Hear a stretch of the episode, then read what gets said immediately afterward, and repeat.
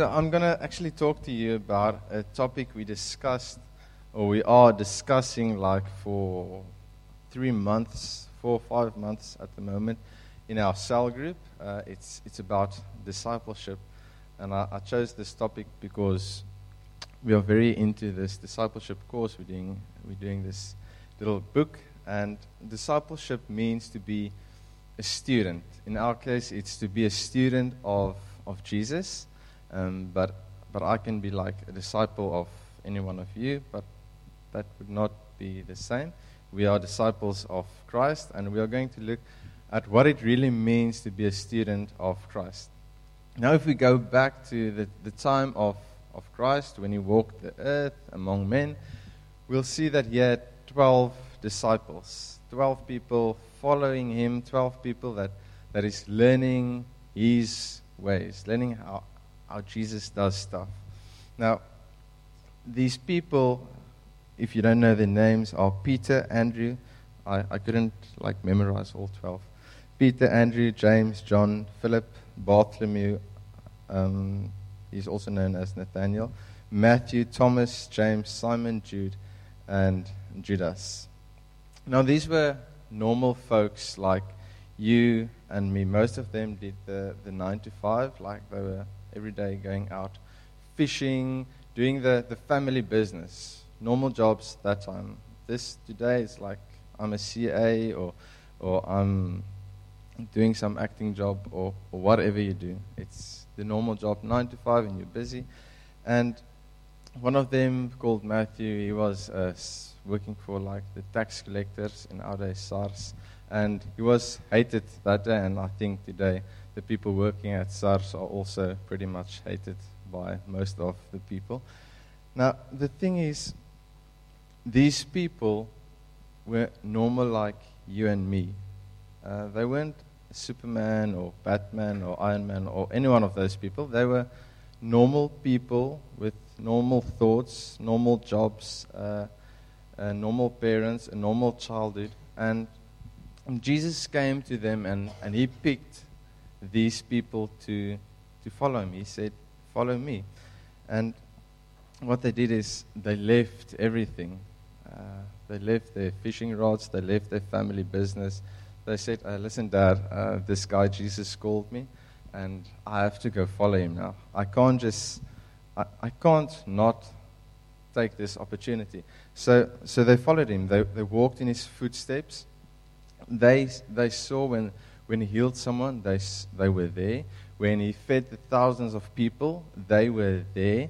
When, when Jesus rose Lazarus, when he called him, Lazarus, come out, and Lazarus woke up from, the, from death, they were there to see that happen.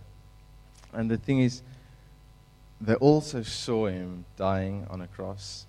And, and if you just think about it for, for, for a second, they left everything. Everything was left behind to follow Jesus everywhere he went because they thought, this is my Savior. This is the one who is going to save us from the slavery we're in. This is the one who is going to bring us something better, something new. And then they saw him die on a cross, and I think uh, all were thinking, we were such idiots, thinking this man is going to save us. But luckily, a few days later, um, Jesus surprised all of them. And I think if we are to, to um, see something like that, we will also be surprised. And one of his disciples said, uh, I, still, I still can't believe that it's, it's him. I have, I have to see him. The disciple's name is Thomas. I have to see him. I have to, I have to feel his wounds in his hands. And I just have to touch it as well to actually believe that Jesus beat death. Death didn't beat Jesus. Jesus won. He was like those of you who watched the boxing. He was Mayweather. Um, he won the match. Uh, so, what does it mean? Is it wrong? Is it wrong? Okay. But he won the match. He won the match, right? Um, so, what does it mean to be a disciple for me and you today in the age of where we are now.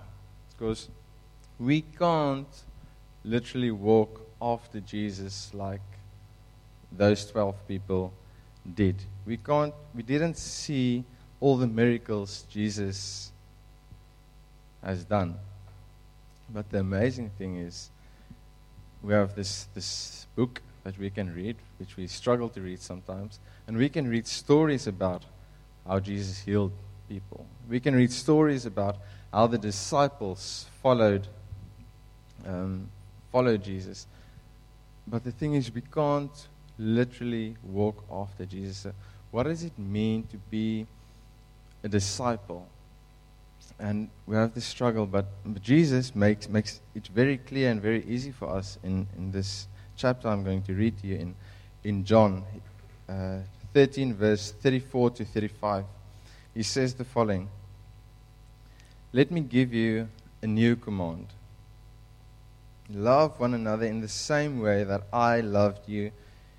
You love one another. This is how everyone will recognize that you are my disciples when they see the love you have for each other. So now, according to Jesus, the world will see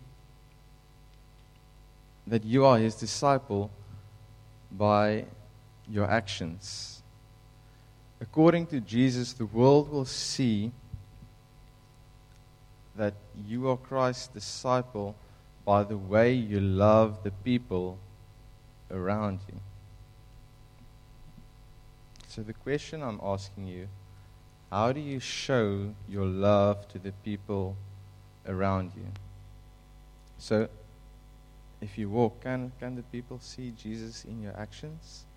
If you're coming home from work, late shift, late night, you're tired, can the people still see Jesus' love through you? And what about your friends, your family, the close ones? Because they always like get the baddest part of you. How do they experience Christ's love through you? And while you think about that, really just go think about it for a moment. I want to I wanna tell you about a, a little story of mine. And the story is called Jaden because it's about Jaden. Um, now, Jaden is, is one of the kids. If, if you've been here for a while now, you, you'll know that we, we support a, a safe house called Bright Star. Ander kant toe, we, we support a, a safe house called Bright Star. Now, in this safe house, there's all of these kids. Now, now Jaden doesn't literally live in the safe, safe house. He lives across the road, but his grandparents, his grandparents owns this safe house. So all the time that, that we go to the safe house, Jaden is most of the time he is there and is um, playing with the kids and everything. But the moment I, I, I first started building a relationship, I want to say the moment I saw him, but it's probably not true. But the moment we first played ball or whatever, I fell in love with this kid. It's weird. I fell in love with this little boy. And the thing is, he's, he's like this cute bundle of joy, but it's, it's almost like he's trapped in a body of anger. And he would, he would play with the kids and he would play with us that came to visit him there. And all of a sudden, he would like start biting the kids. He would start hitting the kids. He would hit us playing with him. It's like this sudden fury, rage coming out of him.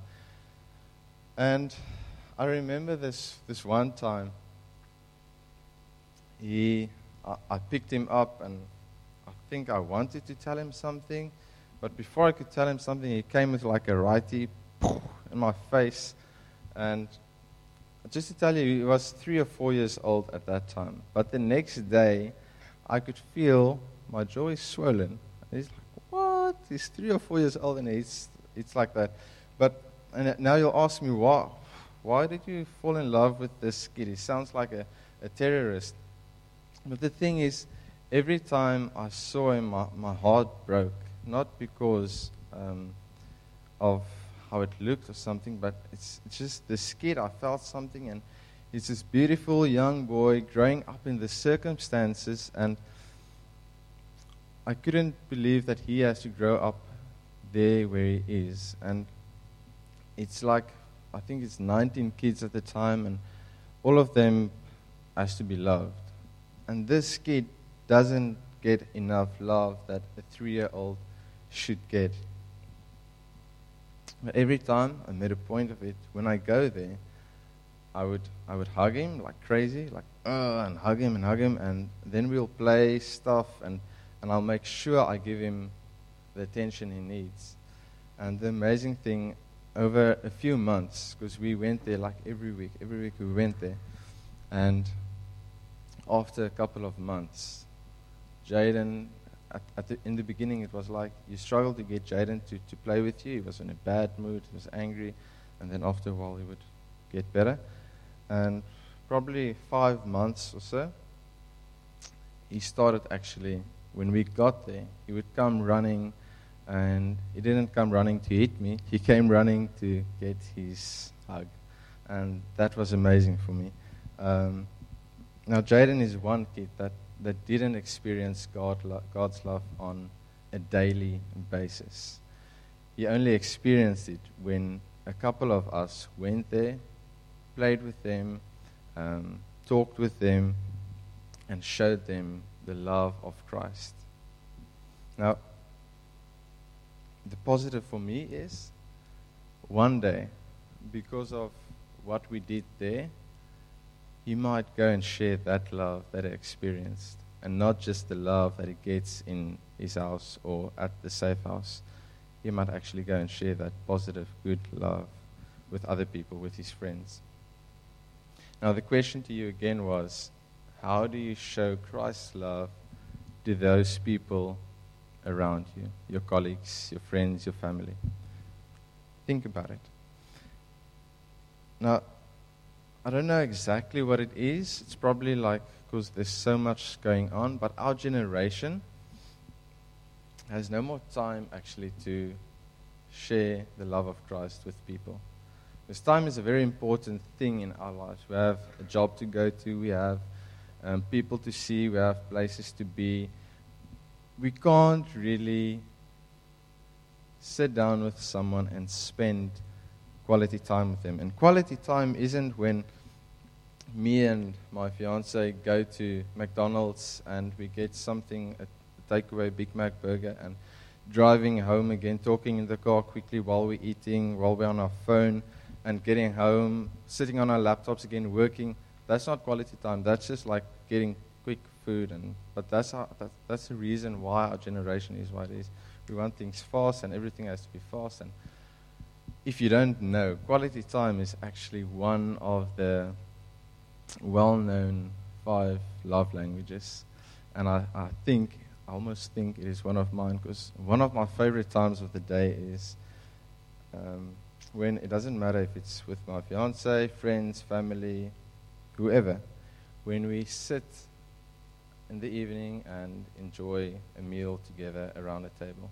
Because we will sit and uh, the food will be ready and we will eat and we will talk. And if the food is done, we'll talk again until we clean up.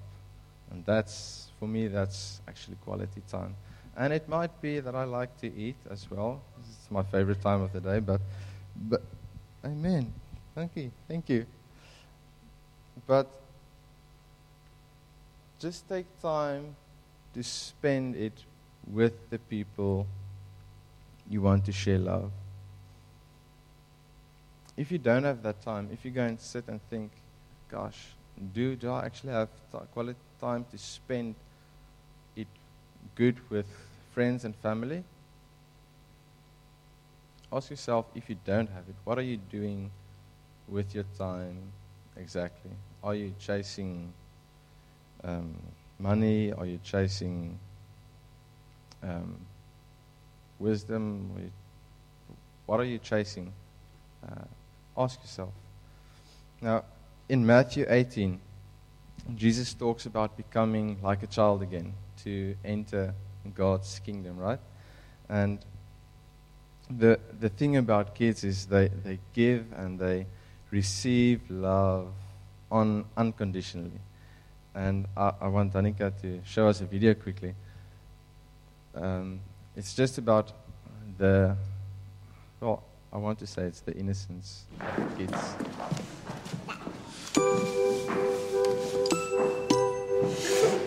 Love is like over a gillion stuff. Helping someone even if you don't want to.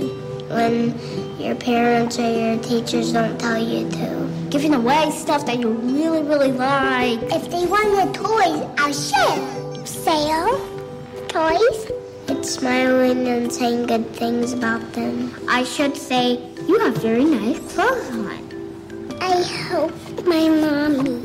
I played with another person on the playground when she didn't have anybody to play with. When people are loving to me, I feel like I should do it to someone else. Because Jesus did the same for us. Just like your daughter says you will have them do to you. That you should treat the other one just like I've been treated before. Not like bad, but the times I've been good treated. Nobody really wants to play with somebody who's being mean. Being kind is helping those in need. Give them some food. Get fish and bread and green beans and peas and apples. Ask my mom and or dad, can we go get food for this hungry person that I found? Um, Rob is hugging your mom and helping her wash the dishes. I just get the water thing and just spray them. People show me love by holding my hand, and they also give me a kiss around the head when I'm asleep very lightly. There's people that don't get love in other places of the world. You help them. Just help people. If we show people love, they can spread it all around the world. Okay, come here, mommy. I'll show her something. I'll show you something. Come here, mommy.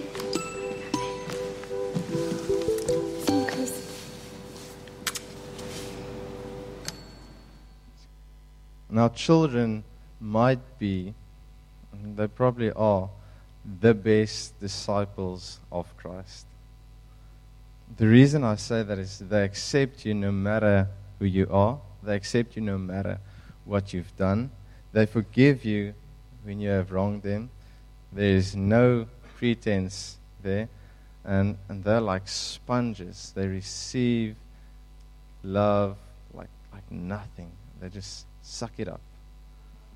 But the bad thing is that, unfortunately, children also they are like sponges. They receive rejection, rejection. They receive violence. They receive um, abuse, and that is why when children become older and gain more life experience and bad stuff that happened to them, there's the unconditional part of the love falls away.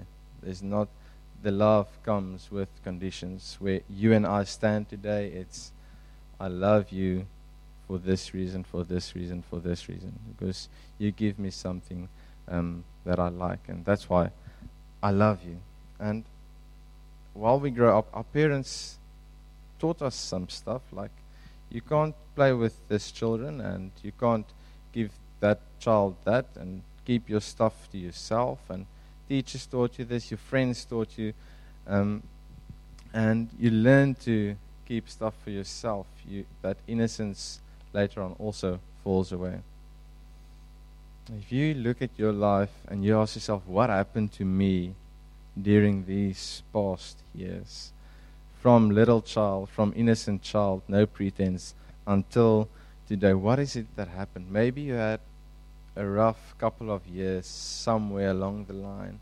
Maybe you did not receive love from your parents. Maybe you did not receive love from from friends and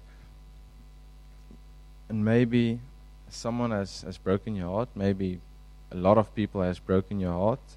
And and with all of that bricks you, you started to build a wall around your heart to protect yourself from any further harm. And if you really, really want to become a disciple of Christ, it is time that, that you actually take those bricks and, and you break it down. Um, there's if you if you have these bricks around your wall, you you prevent yourself from receiving love in the first place, and you can't really give love because you don't receive His love to the fullest.